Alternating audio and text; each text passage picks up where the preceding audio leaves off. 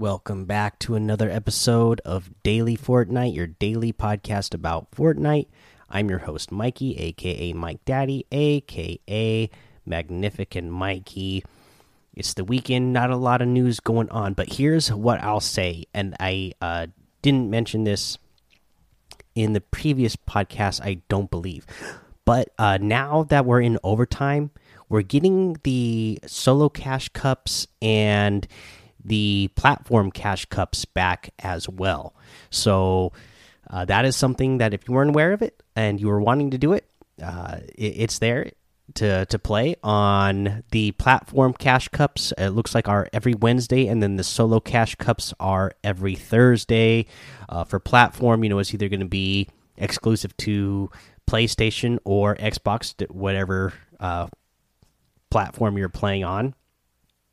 Uh, let's see here. So we'll, we'll, read the little the little post here. Reach Contender League in arena mode to unlock this event. This tournament occurs across one round, so make it count. You'll be matched against other PlayStation and Xbox players only.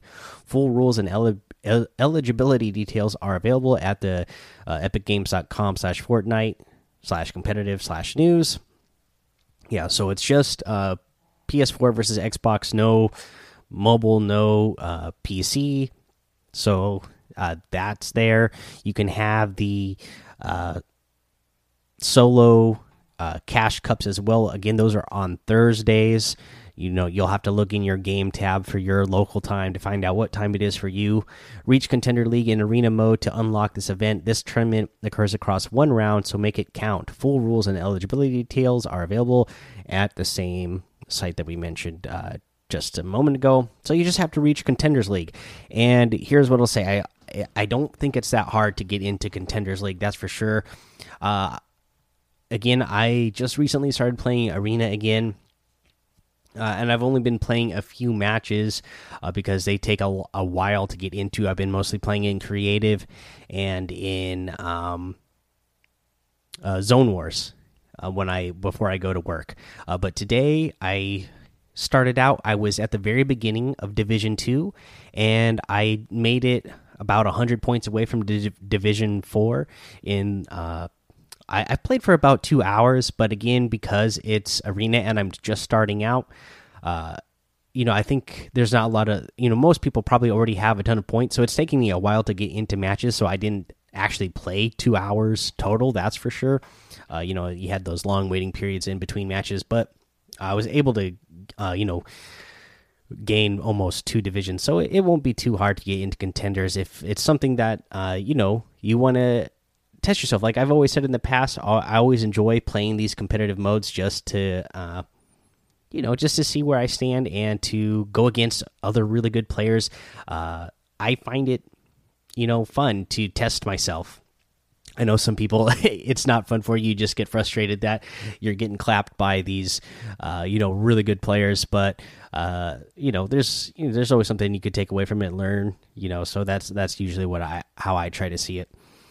Uh, but yeah, that's that's what we got going on there. Uh, of course, you know a little bit more snow melting around the map.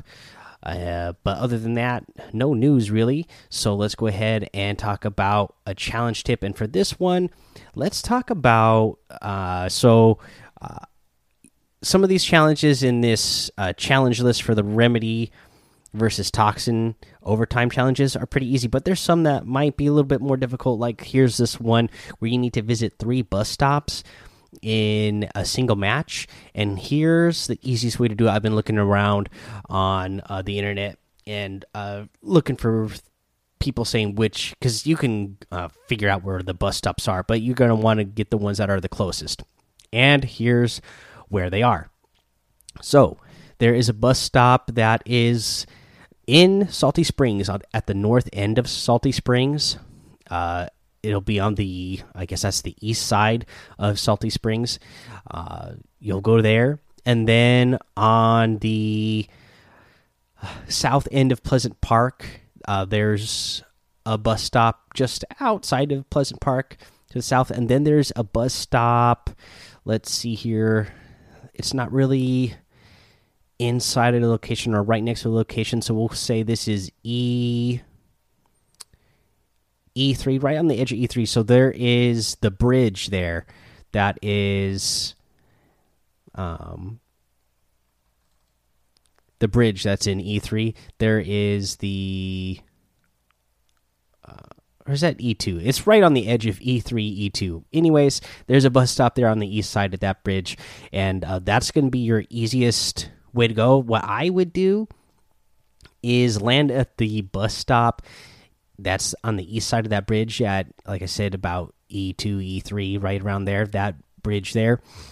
Uh, land at that one first, and then you know get a couple of uh because that bridge there's there's chests there as well. So get uh you know, get yourself a weapon and then head to the one at Pleasant Park and then head down to Salty Springs.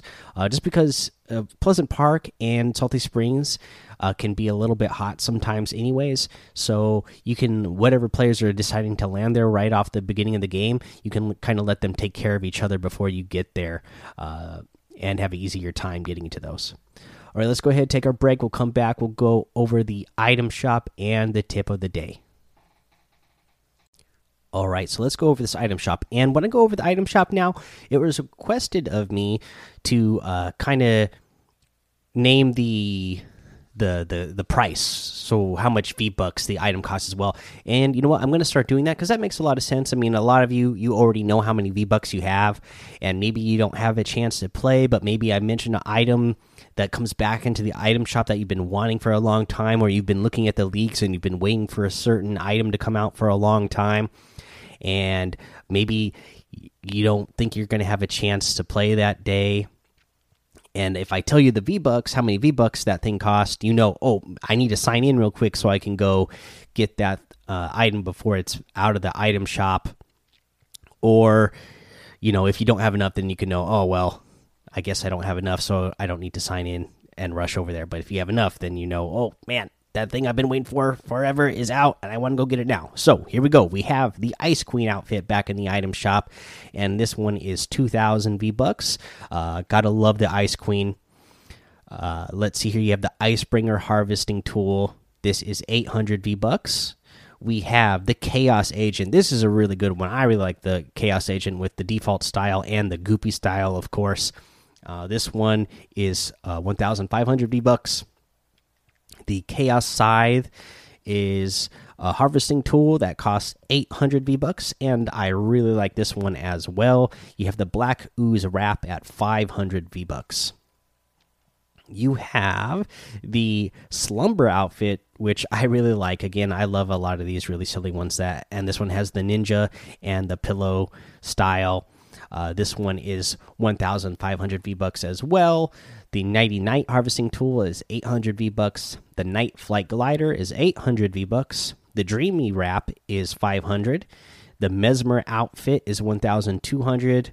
You have the Bullseye back in here at 800. The Electro Swing emote is 500. The Electrified music is 200. The Fancy Feet emote is 500. And the Deep Dab emote is 200.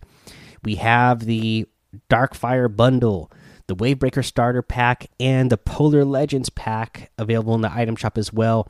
Now on Twitter, uh, we did get confirmation about the Polar Legends pack leaving soon. Fortnite uh, tweeted this out saying, "Cool off, get the new Polar Legends pack before it leaves the shop now." So they don't say exactly what day it's leaving.